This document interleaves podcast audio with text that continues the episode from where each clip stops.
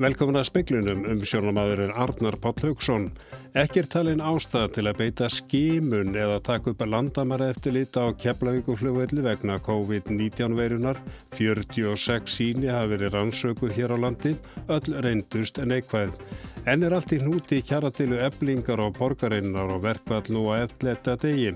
Rust flæður upp úr tunnu viða í miðborginni og í rustageimlu við fjölbylishús.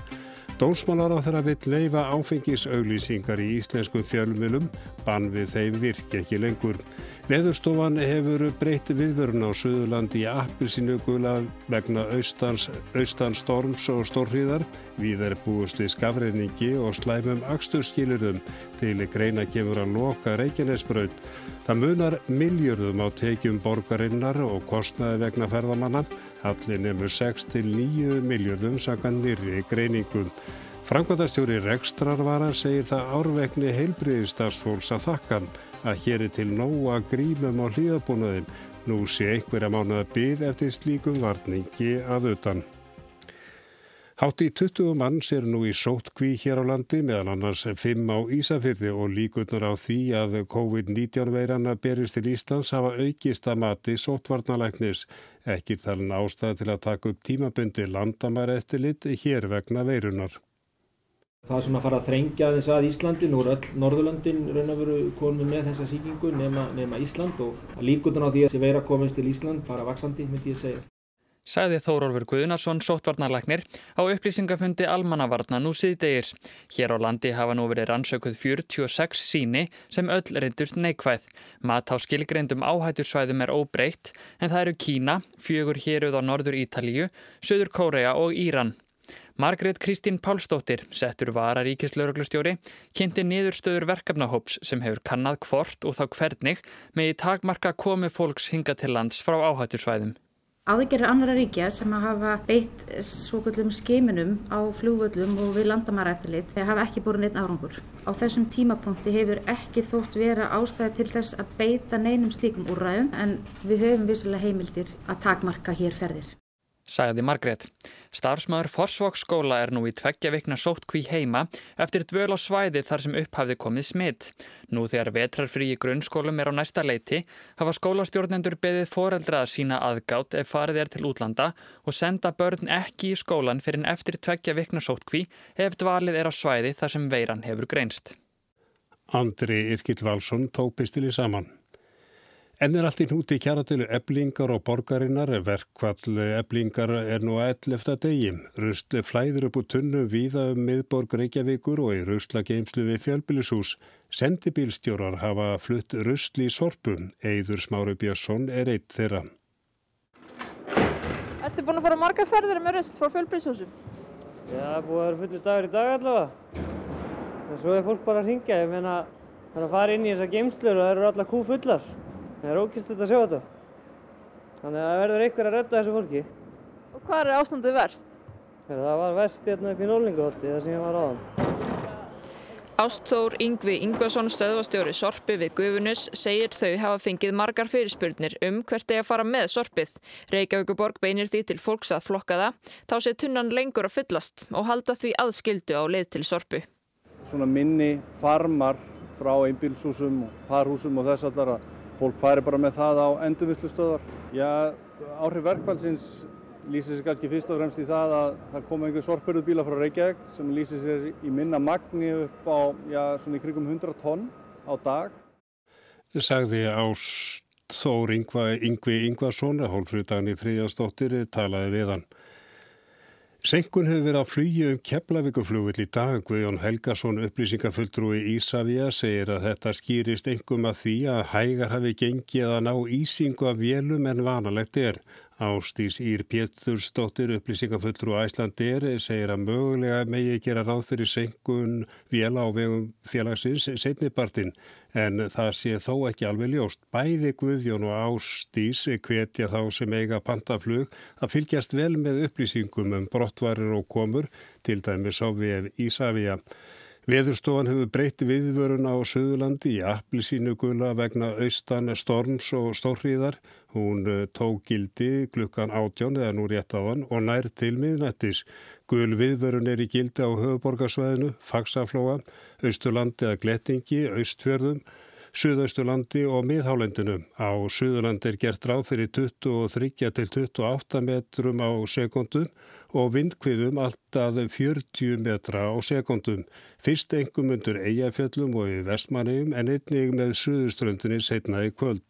Vítækar samgöngutrublanir eru líklegar og ekkert ferðaveður meðan að viðvörun er í gildi. Óveisusteg er á Reykjanesbrautinni, snjóþeikja og skafreiningur. Samkvæmt upplýsingum frá vegagerðinni er Reykjanesbrautinu þó enn opinn en hugsalega verður henni lokað. Dónsmálar á þeirra vill heimila áfengisauglýsingar í íslenskum fjölumilum og segir bann við þeim ekki virka auk þess, eh, auk þess mismunir það íslenskum framleiðendum. Áslög Arna Sigurbjörnsdóttir, dómsmálar á þeirra, hefur þegar lagt fram frumvarpströg þar sem sala áfengis í vefverslunum hér á landi verður heimiluð. Í dag er leifilegt að kaupa áfengi gegnum erlendar vefverslanir og fá það sendt heima dyrum. Áslög Arna segir að fullt tilefni sé til að endurskoða lögjöfum áfengis auglýsingar í framhaldinu eitt annað óréttlæti og svona þetta ójabræði sem íslenskir framleiðendur verða fyrir.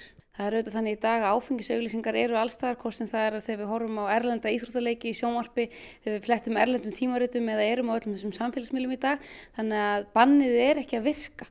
Þetta sjónamið kemur einnig fram í skýslu sem unni var fyrir mentamálar á þeirra um rekstrar umhverði fjölmila, þar sem lagt er til að afnema bannvið áfengisauglýsingum. Serðu fyrir að þetta gerst á þessu ári? Ég veit það ekki en það er í vinslu hérna sagði Áslug Arnar Sigurbjörnsdóttir, Sigri Dögg Auðursdóttir, talaði við hana. Sveitarstjóri Svalbard Strandarheps segir að sveitarfélög sem fallundi nýtti viðmið um lámbásfjölda íbúa verða að vera tilbúin að saminast öðrum þegar að þar að kemur. Nauðsilegt sé að taka frumkvæði svo saminning verði ekki neyðar brauð.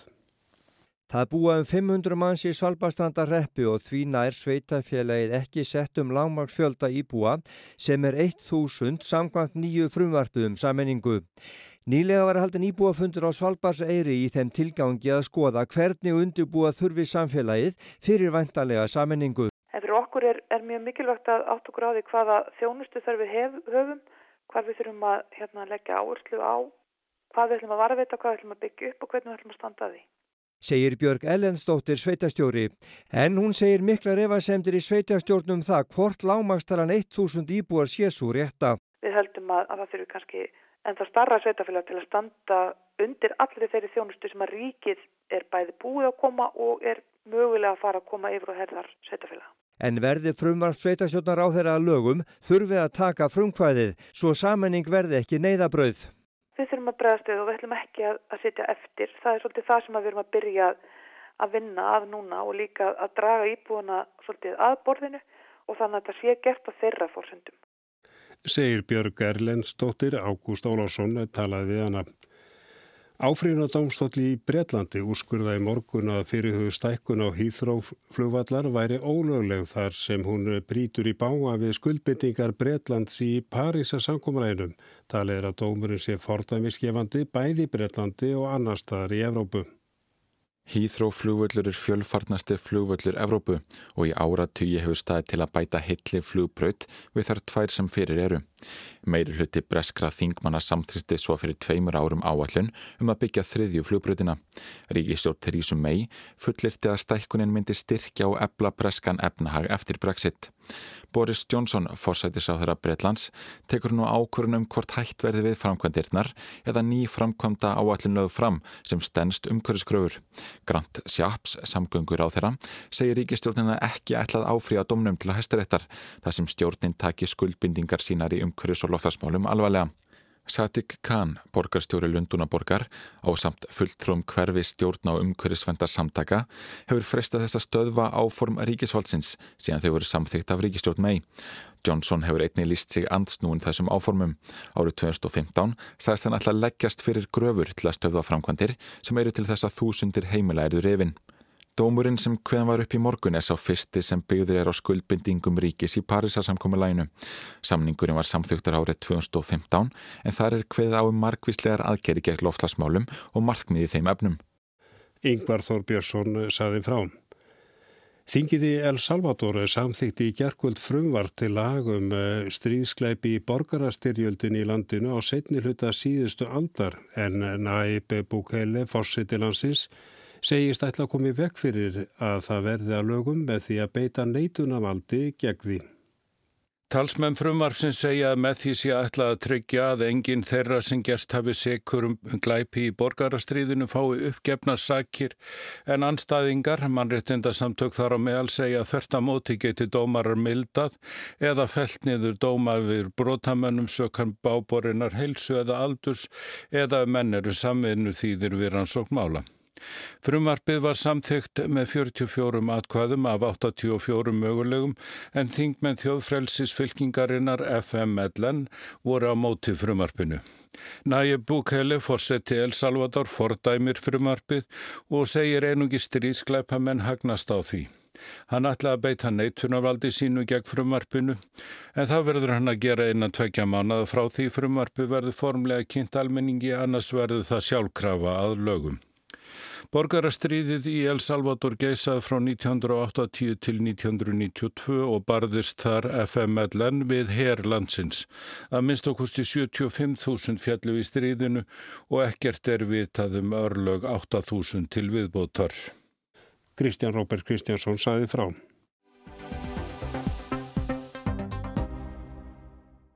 Frankundastjóri Rekstrarvara segir það árvegni Íslendinga að þakka ekki sé til nóga grímum á hlýðabúnaði. Nú sé mánuða byggð eftir slíkum varningið utan.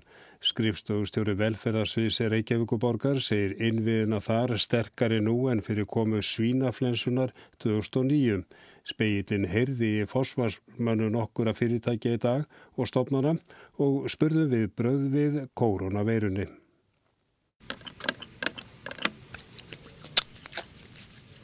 Þráttur að nýja kórnaveiran COVID-19 hafi ekki greinst á Íslandi er hún farin að hafa áhrif og viðbúnaður hefur aukist eftir því sem fleiri hafa greinst með veiruna í Evrópu. Ísland er nú eina landið á Norðurlöndunum þar sem hún hefur ekki greinst. Vinnustæðir hafa margir gert ráðstafanir, starfsfólk þvær og sprittar hendur og handabönd vika fyrir því að veifa eða láta olboga mætast. Maður sem starfar í laugardarslaug í Reykjavík sagði starfsfólk þar leggja mikið upp úr hreinlæti. Það við fengið tilmæli um að nota handspritt og hóst og nerra í olbúabót eða papirsturku. Ekki hafi verið ráðist í aukin þrif þar. Í maturverslunum krónunar hefur starfsfólk verið hvað til að spritta hendur líka. Greta Maria Gretarsdóttir, fránkvæmdastöru krónunar, segir að þau fyrirmæli hafi nú verið ítrekkuð. Við eins og aðrir erum bara, eins og sé, viljum allir já, svona gæti ídustu varðar en erum ekkert svona að gera neitt meira en það að fólk sé að passa sig að sprinta sig og þú endur það vel. Ekki er lagt meir upp úr því en áður að þrýfa sjálfsafgreðslu kassa eða önnur svæði sem margir snerta en Greta Maria segir unnið að því að kom upp spritt aðstöðu fyrir viðskiptavinni svo þeir geti reynsað hendur svo sem eftir að hafa snert innkaupakerrur. Það hafi tafist vegna skorts á svo gulluðum spritt stöndum en hún vonar að það leysist á næstu dögum. Síðan erum við líka að horfa bara í vöruúrvalið að eiga hérna nóga spritti en það er bara svona almennt svona þess að vöru, spritt og grímur er erfitt að fá líka að fá erlendu byrgjum. Hafið þið fundið fyrir einhverjum sko áhyggjum eða frá viðskiptavinum hafa þeir verið að spyrja um, um spritt eða verið að byrja sér upp á matvælum eitthvað þess áttar? Nei, almennt ekki en það er alltaf svona einhverjir sem að hafa ágjur og meðal annars fekk ég svona persónuleg skilabóð hvort við ætlum að bjóða upp á neyðarbakka. Um, við erum ekki komið þánga ennþá en það er bara gaman að fólk sé á tannum og þarna, við fylgjumst líka náum með. Neyðarpakki, hvað er það? Það var þá að hugsa sko ef að fólk þurft að vera heima í eitthvað tíma. Já, með matvælum og þess að það. Já. Kristófer Oliversson, eigandi Center Hotels keðjunar, segir planið þar á bæ einfalt að fara að fyrirmælum yfirvalda. Hann segir mikilvægt að taka á málinu af yfirvegun. Hann sér unn rættari við panik en veiruna sjálfa. Starfsfólk hefur verið upplýst og begja vegna afgriðsluborða í móttökum miðbæjarhótelina hefur komið fyrir spritbrúsum svo bæði starfsmenn og gestir getið sprittað hendur.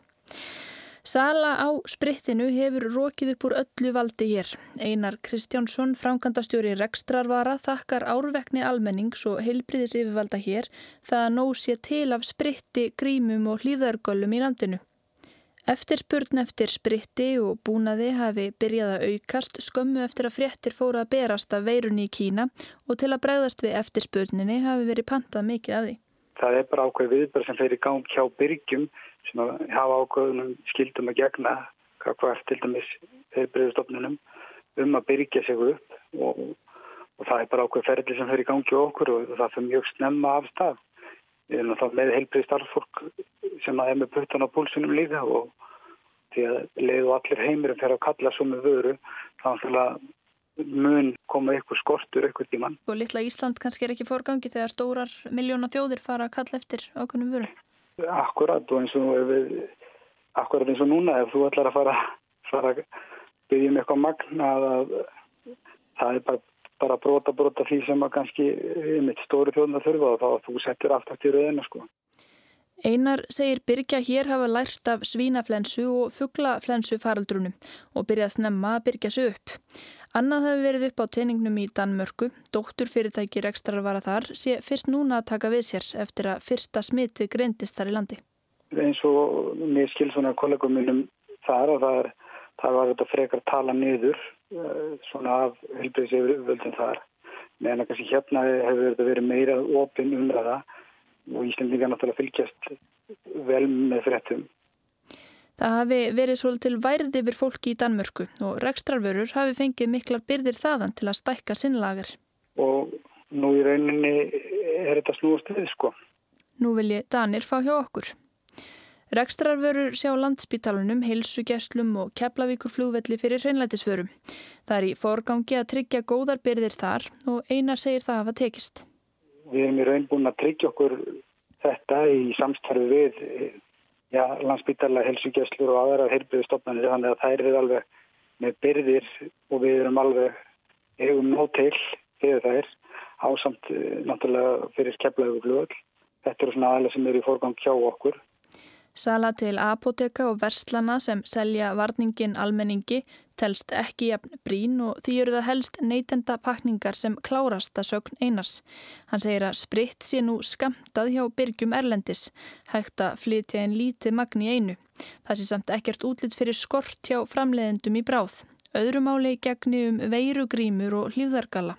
Jú, þar við aðra svo að segja af því að en þá kemur aftur að við vorum snögg til þannig að við vorum búin að tryggja okkur þessar vörur.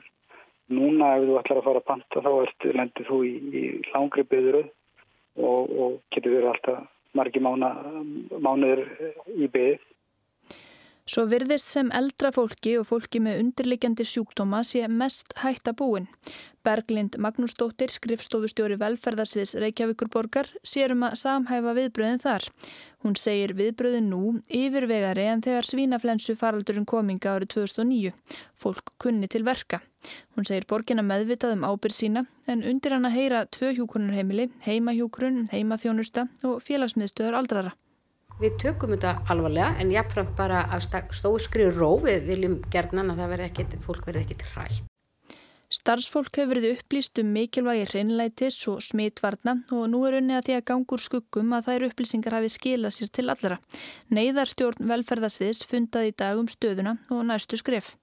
Við erum búin að undirbúa okkur ágjörla en núna erum við kannski, þurfum við aðeins að fara að spýta í lóana og svona við vorum kannski einhvern veginn kannski halda að þetta væri svona aðeins í reynum eins og allir að nú þurfum við bara aftur að taka upp reglulegri fundi og það þýðir bara daglegi fundir Berglind segir að innviðinni séu sterkir, allt í skýrum farvegi og upplýsingagjöfin frá yfirvöldum góð. Velferðarsvið hóf undirbúning fyrir komu veirunarum, leið og neyðarstjórn Reykjavíkur borgar var virku fyrir nokkrum vikum.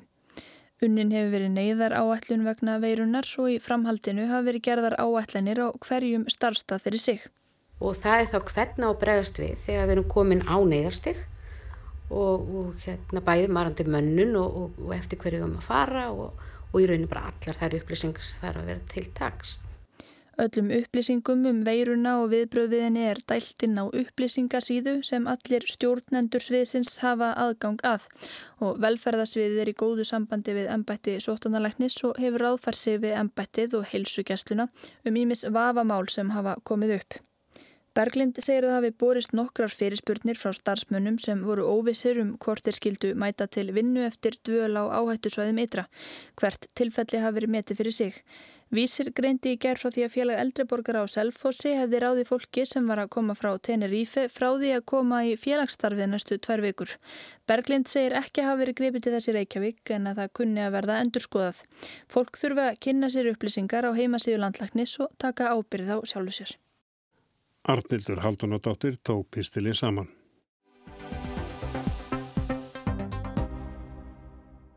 Ábati af ferðarþjónust á fjárhag Reykjavíkuborgar er neikvæð sem nefnur miljardum krónam. Samkvæmt greiningu sem fjármála og áhættu stýringasvið borgarinnar hefur gert vegna áruna 2015 til 2018 hefur hallin verið á bílnu 6 til 9 miljardar krónam.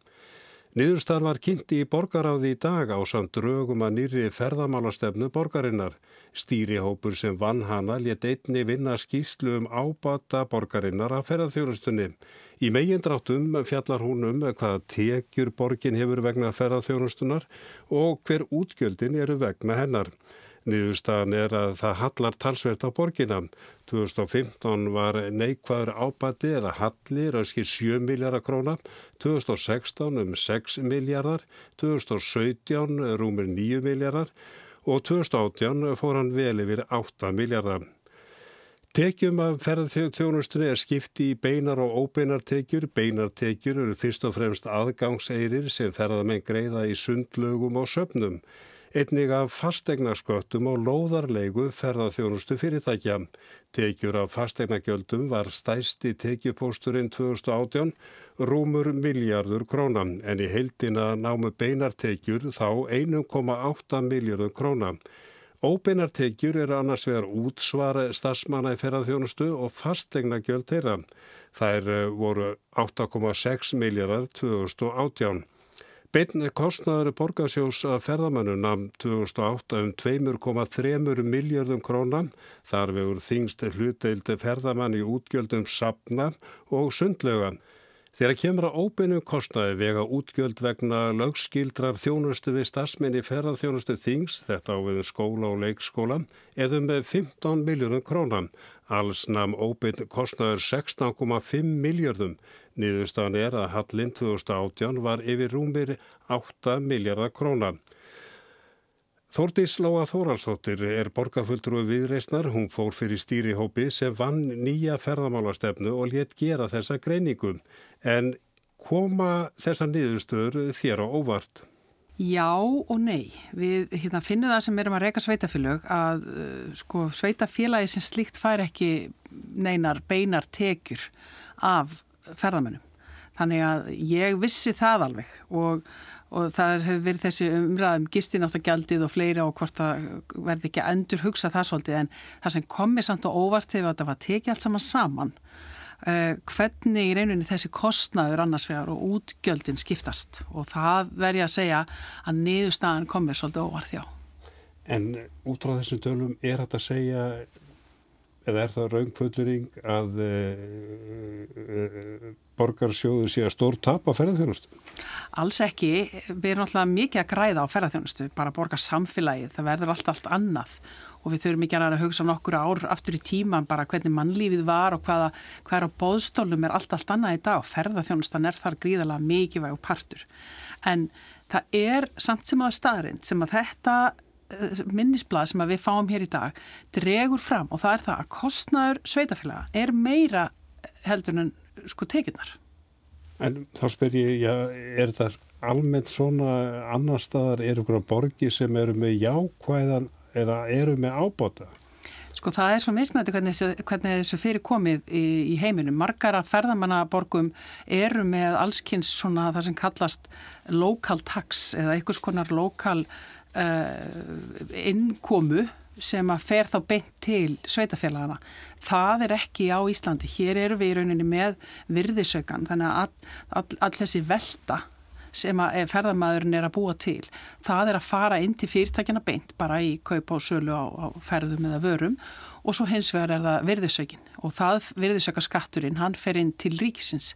Þannig að það er í rauninni engar beinar tekjur ferðamanna inn til sveitafélag nema bara það sem þeir eru að vestla sér af því sveitafélagi sjálfu. Í okkar tilfelli sem höfuborg að þá er það sundlögarnar, það er söfnin og það er fyrst og síðast þessar beinu tekjur sem við höfum. En finnst þér að þetta skipta kokkun einhvern veginn öðru vísi? Ég held að sé alveg komið tíma á að við endur hugsa um þetta, já, og við erum hérna með reysa stóra atvinnugrein í, fanginu sem er gríðalega mikilvæg og ég vil bara ekki sko taka, mm, hvað sé maður, svona mikilvæg af því að ferðarþjónustan er gríðarlega mikilvæg fyrir, ekki bara fyrir Reykjavíkuborg og þetta þjættbíli hér heldur út um allt land, fyrir sveitafjölu út um allt land. En um leið og við segjum það, þá verður líka mögulega endur skoða hvernig tekjur af ferðamönnum, uh, hvernig þær dreifast niður á sveitafjöluin og eittir þeirra er gistináttakjaldi en mögulega þarf bara að hugsa þetta búin nýtt. Þessar tölur eru þar eitthvað eitthvað vafasamar þegar kemur þessum óbeina kostnaði og tekjum? Sko það má náttúrulega sko fara miklu, miklu dýbra onni svona greiningar. Við vildum nálgast þetta bara svona áfrega hreinan og beinan hátt. Við erum ekki inn í þessum tölum með fjárfestinguna. Þetta er, er sveitafélög að fjárfesta helling, þau eru að fjárfesta í sundlögum, þau eru að fjárfesta í, í menningarhúsum og fleira og það er, fjárfestingin er ekki inn í þessu. Þannig að þetta er í rauninni bara uh, þetta sjóðstreymi á milli inni á dagstælega sem að við erum hér með. Uh, ég held að hér séum við komið með svona bara Ég ætla að lega mér að sletta svolítið svona ground zero. Hér getum við bara að byrja að tala saman. Það má dýfka þessa greiningar mikið, mikið meira. Það er ýmsi fyrirvara sem koma fram í minnisblæðinu sem að kemur frá fjármála og áhættstýringarsviði borgarinnar um það uh, hvað væri hægt að gera betur. Ég meina það er, það er hlýms ekki hægt að elda kennitölur eða fleira í dag. Nú er þetta ákveðin nálgun og ákveðin áallun. En varðandi kostnæðin, eða varðandi svo tekjurnar, þá vitum við nákvæmlega hvað ferðamenn er að borga inn í söpn og hvað ferðamennir að borgin í sundlegar. Þannig að það er svona fakta sem er þekkt. Uh, í borgaráði var verið að kynna nýja ferðamálastefnu. Það er verið að leggja dröga henni og hefur verið unnið að henni frá 2018 og þú hefur verið formar stýri hóp sem hefur staðað þeirri vinnu. Já, hvað er lagt til? Það er lagt til að já, stafrænum lausnu verði í auknum mæli beita á þetta að vera snjallborg og þá líka að mynda hvað áfang og markastofu höfuborgarsvæðisins, já hvað þýðir þetta? Já, við setjum þessa ferðamálastefnu núna til næstu fimm ára það sem að gamla ferðamálastefnun var í rauninni og er að renna út núna. Við erum að fara inn í alveg nýja tíma. Það var nú svolítið merkilegt að vera búið til þess að ferðamálastefnu akkurat á sama tíma á vá fjall. Þannig að við þurftum að hæja á og, og svona endur skoða svolítið í hvaða rithma við værum. Í þessari stefnu erum við svolítið að segja eh, við viljum að borgin sé eh, svona, svona drivkraftur ferðarþjónustu meðal annars. Við viljum að hún sé sjálfbær. Ferðarþjónustan saman með borginni auki sjálfbærni og umhverfi svitund. Við, vin, við erum að segja þarna að við viljum vinna meira með atvinnulífinu, það er að segja ferðarþjónustu aðilum í borginni og svo viljum við líka að hún sé snjöll og þá ægum við, við með alla svona upplýsingamiðlun og allt sem, að, allt sem við tengir okkur við ferðamannina, það sé gagvirt og, og meira sjálfvirt heldur að það hefur verið og að því þú talar um áfangastofur þá erum við hérna að opna fyrir það að taka samtal eh, við eh, atvinnulífið og við ríki, þá sérstaklega við ferðamálastofu um það að við kannski finnum leið til að stopna saman áfangastofur fyrir höfuborgarsvæði held og það er nýjung. Þetta var Þórtís Lóa Þóraldsdóttir og í speklunum eh, sögðu við meðal hans frá veðurhorfum eða ástandun á veðrunum. Það er appilsínu gul við vörun eh, er nú í gildi frá Eyjafjöllum og vestur á Reykjanes. Austan stormur er rók 23 til 28 metrar á sekundu og vindkviður alltaf 40 metrum á sekundu. Fyrst austan til engum undur Eyjafjöllum og í Vestmanniðum en einnig með Suðuströndinni setnaði kvöld. Stórfríð og skafreiningur, vítækar samgöngutröflanir eru liklegar og ekkert ferðaviður á meðan að viðvörunin er í gildi. En við sögum líka frá fleirum ekkert talin ástæði til að beita skimun eða taka upp landamæri eftirlit á Keflavík og flugvelli vegna COVID-19 verunar. 46 síni hafi verið rannsökuð hér á landi, öll reyndust neikvæð. En er allt í núti kjaradeilu eblingar og borgarinnar, verkvall á, er á 11. degi, rust flæður upp úr tunnu viðum miðborg Reykjavíkur og í rustlageislu við fjölbillishús. Dómsmálar á þeirra vill leifa áfengisauðlýsingar í íslenskum fjölmjölum, bann við þeim virki ekki. En e, það kom á lokum í speiklunum, Mark Eldred var tæknumar verðið sæl.